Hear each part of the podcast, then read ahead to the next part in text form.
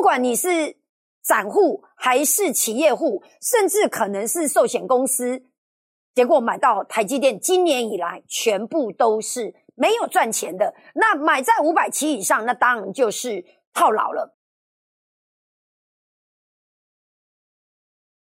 各位亲爱的观众朋友，大家好，我是君安投顾我梁碧霞，欢迎您收看这一集的大财经我赔。我们这一集大财经我赔要帮您做的事情，台积电，台积电从今年的最高点一月二十二号的六百七十九块，跌到录影时间已经来到了五百七十块年线的位置，来到年线的位置叫做过去一年买台积电的人，通通都没有赚钱的。我们利用这个时间点，帮您把台积电的未来把它看清楚。那么累计今年以来，外资总共在台积电总共提款了两千八百五十亿。然后呢，国内的投信自营商他们对台积电有什么样的作为呢？投信买超了三十亿，自营商买超了一百二十五亿。换句话讲，台积电不是自营商的菜。可是呢？外资的卖超了两千八百五十亿元，你说是非常高了吗？没有，它最高的时候呢卖了三千多亿，在低档的时候稍微小小回补，所以你看到曲线里面是有小幅的。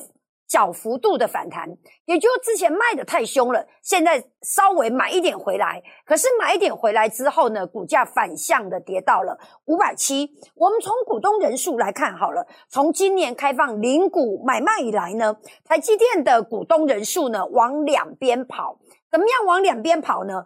在开放零股盘中交易之前呢，拥有一张台积电以下的人呢是八万人。结果开放盘中就可以开始买卖了，呃，台积电的零股。结果呢，一张以下的台积电零股股东呢，来到了五十七点五万人。换句话讲呢，几乎所有买不起一张的，买一张大概是要六十万。对，没有办法买一张的人呢，只要是在一张以下的，那几乎呢，台积电成了大家的最爱。那另外，我刚刚讲两端呢，一个是。一般的零股嘛，另外呢有一千张以上的，那么您去想哦，在过去的一年有一千张台积电人，不就是等于要五亿吗？这个的人数也增加。换句话讲呢，那我在猜，谁有台积电一次就可以在他的账户里面就拥有，就拥有一千张了？那应该是寿险或者是特别公司吧？我要讲的是企业户他的。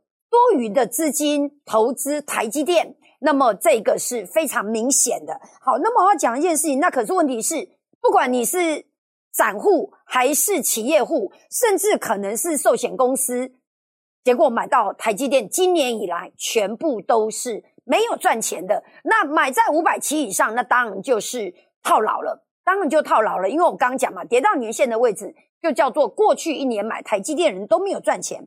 那你说台积电很烂，那我们来看一下它的竞争对手好了。竞争对手三星那更烂了，所以呢，我们大家就看到三星的股价跌成这样子，巴拉巴拉巴拉巴拉，对不对？大家就更开心一点。好来，那我们来看一下台积电的呃股价为什么涨不正呢？它的第一枪呢跌破六百一十元。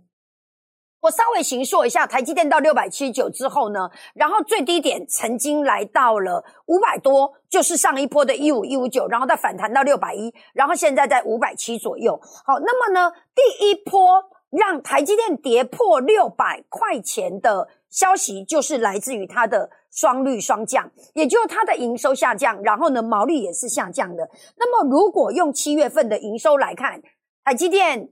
大减了百分之十六。如果它要达成全年度的财测，必须台积电八到九月份，我们把它反算回来，至少要回到一千四百一十亿到一千四百五十亿左右的水准，才有可能达成全年的财测。也就是说呢，现在的录影时间呢是在八月中。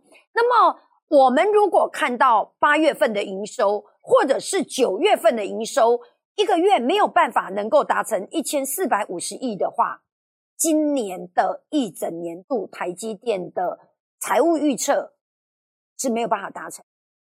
我们等到到时候再来才来想台积电能不能达成吗？还是我们现在就开始来分析它的营收呢？我相信所有投资朋友都希望我们现在就开始分析它的营收，营收来自于哪里？来自于呢？你未来要扩充什么方向的产能，是吧？好，于是我们就开始讲了。台积电在制程上基本上还是领先的，可是他有讲，在未来的三纳米的投资是支出非常大的。那么您现在在这个表里面呢，看到它全球前五大的晶圆代工的。制成的状况，好，你自己呃，YouTube 的好处是你可以停格，然后你慢慢的看好。那么呢，我们特别提一下台积电的法说会，因为老板怎么讲，那这就是他的未来嘛。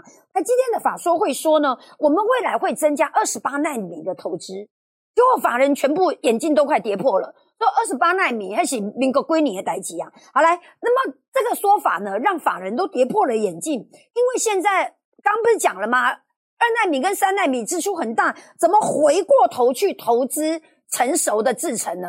所以那时候大家就在想：哇哦，原来呢成熟制程是不够的。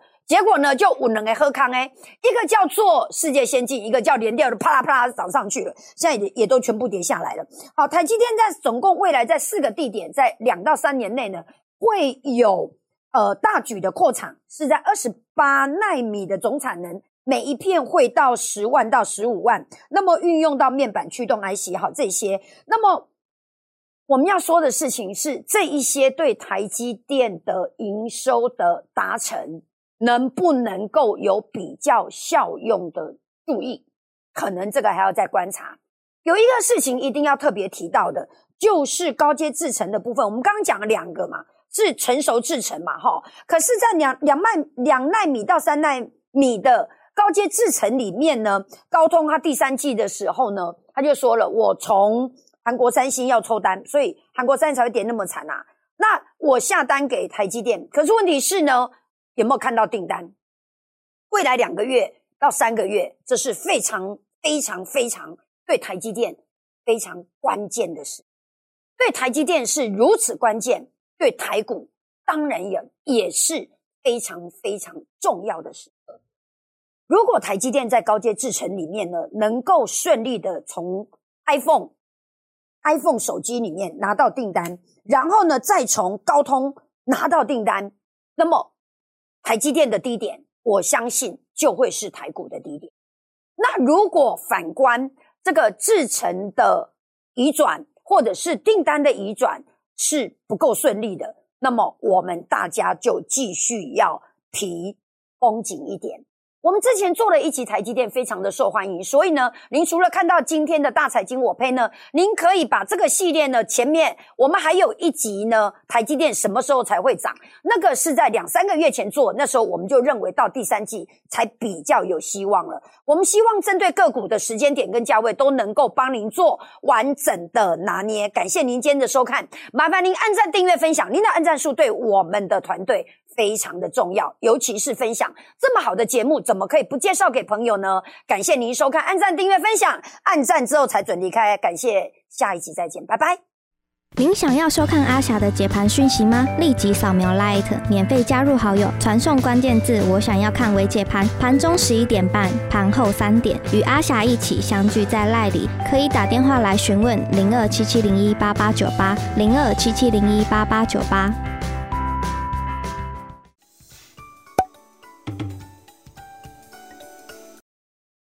本公司与所推荐分析之个别有价证券无不当之财务利益关系。本节目资料仅供参考，投资人应独立判断、审慎评估并自负投资风险。